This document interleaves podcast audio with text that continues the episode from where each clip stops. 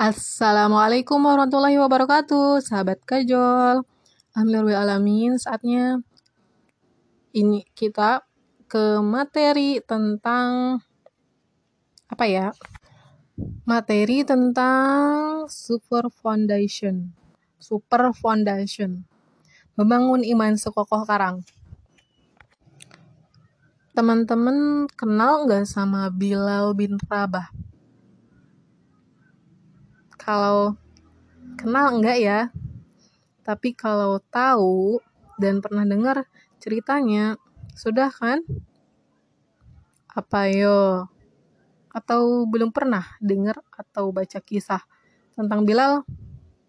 Hmm, sepertinya buat teman-teman yang belum pernah mendengar atau membaca kisah-kisah sahabat Nabi, harus buruan membacanya. Karena dengan menyimak kisah-kisah mereka, maka kita bakalan kagum, takjub, terpesona.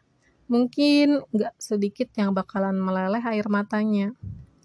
Ya, memang para sahabat Nabi ini jaminan mutu secara kualitas keimanan maupun individunya masing-masing. Dalam kitab Sahihain Al-Bukhari dan Muslim diriwayatkannya dari hadis Abdullah bin Mas'ud radhiyallahu an Rasulullah SAW bertutur tentang posisi para nabi. Uh, astagfirullah, posisi para sahabatnya. Bunyinya seperti ini. Khairun nas qarni thumma alladhina yalunahum thumma alladhina yalunahum thumma yaji'u qawman tasbiqu syahadah ahadihim yaminah wa yaminuhu syahadatuhu. Sebaik-baik manusia adalah pada zamanku, kemudian zaman berikutnya dan kemudian zaman berikutnya. Lalu akan datang suatu kaum yang persaksiannya mendahului sumpah dan sumpahnya mendahului persaksiannya. Di keterangan yang lainnya, dalam hadis Aisyah radhiyallahu an, ia berkata, seorang lelaki bertanya kepada Rasulullah SAW, Siapakah sebaik-baik manusia? Rasul Shallallahu Alaihi menjawab, yaitu kurun yang aku hidup saat ini, kemudian kurun berikutnya, kemudian kurun berikutnya. Dalam hadis yang termaktub di kitab Fatul Bari, karangan Ibnu Hajar al-Asqalani, sesungguhnya bintang-bintang itu adalah pengaman bagi langit. Jika bintang-bintang itu lenyap, maka akan datang apa yang telah dijanjikan atas langit Aku adalah pengaman bagi sahabatku. Jika aku telah pergi, maka akan datang apa yang telah dijanjikan atas sahabatku. Dan sahabatku adalah pengaman bagi umatku. Jika sahabatku telah pergi, maka akan datang apa yang telah dijanjikan atas umatku. Jadi gitu ya, teman-teman. Semua sahabat Nabi itu mulia. Tidak ada yang lebih antara yang satu dengan lainnya. Nah, ya, kali ini kita bakal urai sedikit mengenai kisah Bilal bin Rabah ini tentang gimana dia bisa memeluk Islam, bahkan bukan hanya memeluk tapi juga kekeh memegangnya. Bilal bin Rabah ini ya adalah seorang budak berkulit hitam dari Habsyah, sekarang Ethiopia. Lahir di daerah Asarah sekitar 43 tahun sebelum hijrah. Ayahnya bernama Rabah, sedangkan ibunya bernama Hamamah seorang budak wanita berkulit hitam yang tinggal di Mekah. Sebagaimana ya dikutip dari dalam suar min hayati as-sahabah. Bilal itu dibesarkan di kota Mekah sebagai seorang budak milik keluarga Bani Abdudar. Saat ayah mereka meninggal, Bilal diwariskan kepada Umayyah bin Khalaf, seorang tokoh penting kaum kafir. Saat Bilal masuk saat Bilal ya masuk Islam, gak banyak orang di Mekah yang masuk Islam. Tercatat ya, yang hampir berbarengan masuk Islam seperti seperti Ummul Mukminin Khadijah bin Khuwailid, Abu Bakar As-Siddiq, Ali bin Abu Thalib, Amr bin Yasir bersama ibunya ya, Sumayyah, Suhaib, Ar-Rumi dan Al-Miqdad bin Al-Aswad. Nah, diriwayatkan Saat Rasulullah SAW dan Abu Bakar an berada di dekat sebuah gua, lewatlah Bilal yang sedang mengembala kambing. Milik Abdullah bin Jad'an. Saat Rasulullah melihat Bilal yang sedang bersama kambing tersebut, beliau berkata, Wahai pengembala, apakah engkau memiliki sesuatu? Bilal kemudian menjawab, tidak ada, hanya kambing ini saja. Apabila kalian mau, kusisihkan susunya hari ini untuk kalian. Rasulullah, berska, bers, uh, Rasulullah berkata, bawa kemari kambing itu. Kemudian Rasulullah SAW bertanya kepada Bilal, apakah engkau telah mengenal Islam? Sesungguhnya, aku adalah utusan Allah. Bilal pun memeluk Islam berkat dakwah Rasulullah tersebut dan memerintahkan Bilal agar menyembunyikan keislamannya. Bilal pun pulang dengan kambingnya yang kantung susunya mengambung penuh. Setelah hari itu, Bilal tetap menemui Rasulullah untuk menyajikan susu kambing dan belajar Islam kepada beliau. Sampai akhirnya orang-orang kafir Mekah mengetahui keislamannya. Mereka menyiksa Bilal dengan siksaan yang berat. Bilal merasakan penganiayaan orang-orang musyrik tanpa ampun. Berbagai macam kekerasan, siksaan, dan kejaman mendera tubuhnya. Dia terus disiksa. Biasanya ketika matahari tepat di atas ubun-ubun dan padang pasir. Orang-orang Quraisy mulai membuka pakaian orang-orang Islam yang tertindas itu. Lalu memakaikan baju besi pada mereka dan membiarkan mereka terbakar oleh sengatan matahari yang terasa semakin terik. Orang-orang Quraisy yang paling banyak menyiksa Bilal adalah Umayyah bin Khalaf bersama para Algojonya. Algojonya. Mereka menghantam punggung telanjang Bilal dengan cambuk. Namun ya, Bilal hanya berkata, Ahad, Ahad. Maksudnya adalah Allah Maha Esa.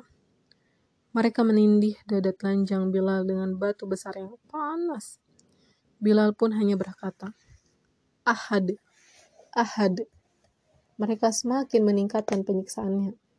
Namun ya, Bilal tetap mengatakan ahad, ahad. Mereka memaksa Bilal agar memuji Lata dan Uja. Tapi ya, Bilal justru memuji nama Allah dan Rasulnya. Mereka terus memaksanya. Itulah, ikutilah yang kami katakan. Bilal menjawab, lidahku tidak bisa mengatakannya. Jawaban ini membuat siksaan mereka semakin hebat dan keras. Bilal ini kan uh, lidahku tidak bisa mengatakannya karena emang keimanan ini kan udah enggak ke Lata dan Uza ya karena Lata dan Uza ini apa yang uh, Tuhan Tuhan dari orang-orang kafir Quraisy gitu. Nah, sedangkan Bilal kan sudah beriman kepada Allah, gak mungkin kan bilang Lata dan Uza lagi gitu menuhankan Lata dan Uzza lagi. Nah, kalau mereka ya lelah dan bosan menyiksa, Umayyah bin Khalaf itu mengikat leher Bilal dengan tali yang kasar, lalu menyerahkannya kepada sejumlah orang tak berbudi dan anak-anak agar menariknya di jalanan dan menyeretnya di sepanjang Mekah. Sementara itu ya, Bilal menikmati siksaan yang diterimanya karena membela ajaran Allah dan Rasulnya. Ia terus mengumandangkan pernyataan agungnya. Ahad, ahad, ahad, ahad. Ia terus mengulang-ulangnya tanpa merasa bosan dan lelah. Suatu ketika, Abu Bakar radhiallahu an mengajukan penawaran kepada Umayyah bin Khalaf untuk membeli Bilal darinya. Umayyah menaikkan harga berlipat ganda. Ia mengira Abu Bakar tidak akan mau membayarnya. Tapi ternyata Abu Bakar setuju walaupun harus mengeluarkan sembilan ukias ukiah emas. Kemudian ya, selepas hijrah ke Madinah, Bilal men menjadi muazin tetap selama Rasulullah SAW hidup. Selama itu pula Rasulullah sangat menyukai suara yang saat disiksa dengan siksaan yang begitu berat di masa lalu. Ia melantunkan kata ahad, ahad, Allah Maha Esa. Sesaat setelah Rasulullah SAW mengembuskan nafas terakhir, waktu sholat tiba, Bilal berdiri untuk mengumandangkan azan. Sementara jasad Rasulullah masih terbungkus kain kafan dan belum dikubumikan. Saat Bilal sampai pada kalimat Ashhadu anna Muhammad Rasulullah. Aku bersaksi bahwa Muhammad adalah utusan Allah. Tiba-tiba suaranya terhenti. Ia tidak sanggup mengangkat suaranya lagi. Kaum muslimin yang hadir di sana tak kuasa menahan tangis maka meledaklah suara isak tangis yang membuat suasana semakin mengharu biru. Sejak kepergian Rasulullah, Bilal hanya sanggup mengumandangkan azan selama tiga hari. Setiap sampai kepada kalimat Ashadu anna Muhammad Rasulullah bahwa Muhammad adalah utusan Allah. Ia langsung menangis tersudu-sudu. Begitu pula kaum muslimin yang mendengarnya. Larut dalam tangisan pilu. Ah. Al-akhir, akhirnya, ketika ajal telah dekat ya, Bilal memanggil istrinya dan berkata, Alangkah gembiranya aku, besok aku akan berjumpa dengan kekasihku, Rasulullah dan sahabatnya. Bilal wafat di Damaskus pada tahun 20 Hijriah. Saat itu ia berusia 60 tahun. 60 sekian tahun sih. Itu tadi ya kisah salah seorang sahabat Nabi bernama Bilal bin Rabah dalam memperoleh dan mempertahankan keimanannya. Kisah Bilal ini mewakili kisah kelas bawah. Ini menunjukkan kalau Islam bisa dipeluk dan diyakini oleh siapa saja. Nah, kita kutipkan juga kisah keimanan dari kalangan sahabat yang dari segi strata ekonomi bisa dibilang berkebalikan dari Bilal bin Rabah. Kisah tentang Mus'ab bin Umair, kisah ini tentunya juga udah banyak yang pernah mendengar atau membacanya. Kelewatan banget deh. Kalau teman-teman banyak yang belum tahu kisah tentang Mushab bin Umair. Mushab bin Umair, nama sebenarnya adalah Mushab bin Umair bin Hashim bin Abdul Manaf al-Badari al-Quraisy. Musa bin Umair dilahirkan di masa jahiliyah 14 tahun setelah kelahiran Nabi yang dilahirkan pada tahun 571 Masehi Mubarak Kafuri. Ini dari Mubarakafuri 2007. Dalam Asad Al-Gobah, Imam Ibnu Athir mengatakan, Mushab adalah seorang pemuda yang tampan dan rapi penampilannya. Kedua orang tuanya sangat menyayanginya. Ibunya adalah seorang wanita yang sangat kaya raya. Sandal Mushab adalah sandal Al-Hadrami.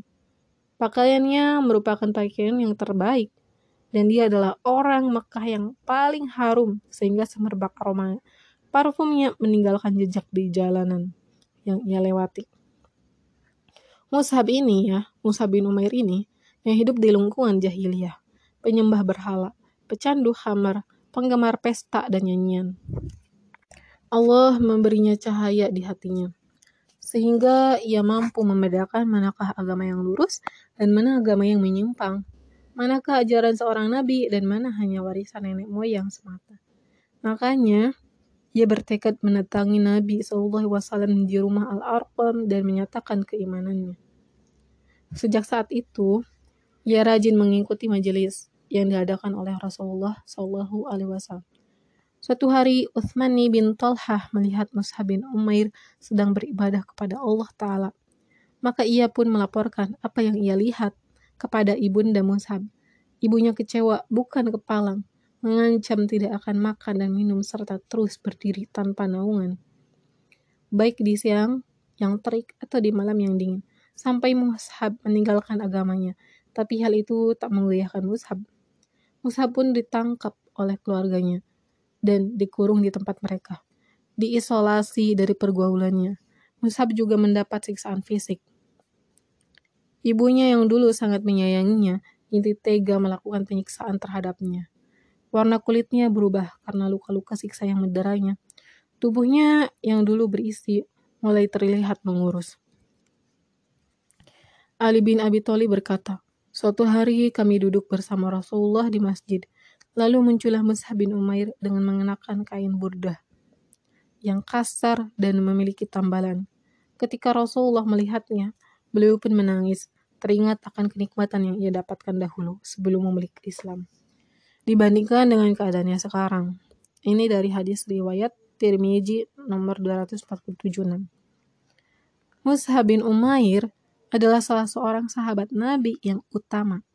Ia memiliki ilmu yang mendalam dan kecerdasan, sehingga Nabi Shallallahu Alaihi Wasallam mengutusnya untuk mendakwahi penduduk Yasrib, Madinah, karena taufik dari Allah. Kemudian buah dakwah Mus'hab.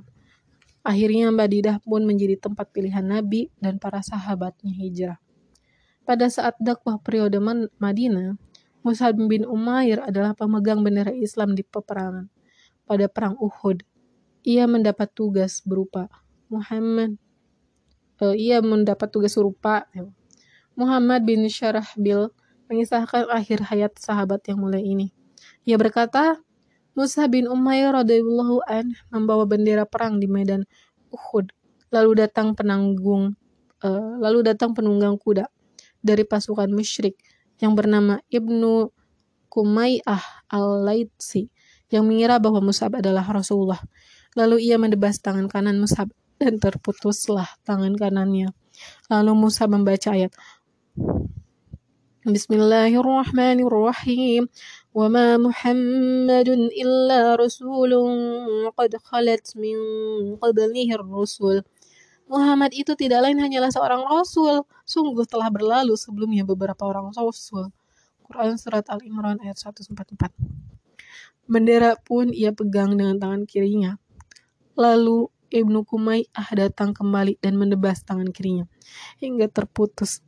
Musa menekap bendera tersebut di dadanya sambil membaca ayat yang sama. Muhammad itu tidak lain hanyalah seorang rasul. Sungguh telah berlalu sebelumnya beberapa orang rasul. Kemudian anak panah merobohkannya dan terjatuhlah bendera tersebut. Setelah Mus'ab gugur, Rasulullah menyerahkan bendera pasukan kepada Ali bin Abi Thalib dari kitab Ibnu Ishaq uh, dari Ibnu Ishaq halaman 329. Setelah perang usai, Rasulullah Shallallahu Alaihi Wasallam sahabat-sahabatnya yang gugur.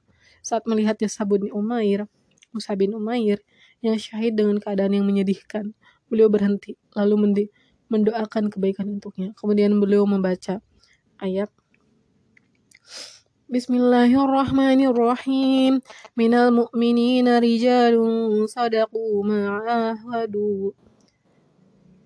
Mu'minina rijalun sadaqu ma'ahadu Allah alaihi faminhum man qada najbahu wa minhum man yantadir. Man yantadir wa ma baddalu tabdila. Di antara orang-orang mukmin itu ada orang-orang yang menepati apa yang telah mereka janjikan kepada Allah. Maka di antara mereka ada yang gugur dan di antara mereka ada pula yang menunggu-nunggu dan mereka tidak merubah janjinya. Quran surat Al-Ahzab ayat 23. Setelah itu ya, beliau berkata kepada jasad Mus'ab, Sungguh aku melihatmu ketika di Mekah. Tidak ada seorang pun yang lebih baik pakaiannya dan rapih penampilannya daripada engkau. Dan sekarang rambutmu kusut dan pakaianmu kain burda. Tak sehelai pun kain untuk kafan yang menutupi jasadnya, kecuali sehelai kain burda. Andai ditaruh di atas kepalanya, terbukalah kedua kakinya. Sebaliknya, bila ditutupkan ke kakinya, terbukalah kepalanya. Sehingga Rasulullah bersabda, tutupkanlah ke bagian kepalanya, dan kakinya tutuplah dengan rumput dihir. Mus'ab wafat setelah 32 bulan Hijriah.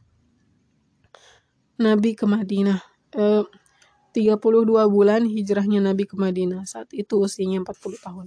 Masya Allah ya. Oke. Ini aku. Nah, itu tadi ya. Perjalanan dua sahabat yang menggatarkan hati kita. Makanya kita sebagai orang gitu sebagai remaja saat ini kita juga harus lebih kita juga harus tutup berusaha seperti beliau seperti Bilal bin Rabah dan Musa bin Umar. Memang mungkin perjuangan kita tidak akan sama, tidak akan sebanding dengan beliau berdua. Teteh jadi uh, aku jadi ingat ini antara tokek dan burung yang memadamkan api Nabi Ibrahim. kan waktu itu Nabi Ibrahim kan dibakar ya kemudian so, uh, seekor burung itu kan apa ya me, me, ini kan me, mengeludah gitu ya. Mengeludah ke apinya Nabi Ibrahim. Untuk ya tujuannya untuk memadamkan api Nabi Ibrahim gitu. Nah kemudian si toke ini gitu mencaci maki si burung. Uh, perjuanganmu nggak akan bisa memadamkan api tersebut ya karena emang ap, airnya kecil sih ya karena ludah itu kan kecil nggak mungkin bisa memadamkan api kan ya nah kemudian si burung ini kan bilang mungkin memang perjuanganku tidak seberapa tetapi aku telah membuktikan kepada Allah bahwa aku berada di posisi yang mana. Nah, maka itu yuk sekecil apa pun perjuangan kita, ya buktikan kepada Allah bahwa kita itu berada di posisi yang mana. Berada di posisi yang taat atau berada di posisi yang maksiat. Oke, sekian ya. Semoga bermanfaat. Uh, wassalamualaikum warahmatullahi wabarakatuh.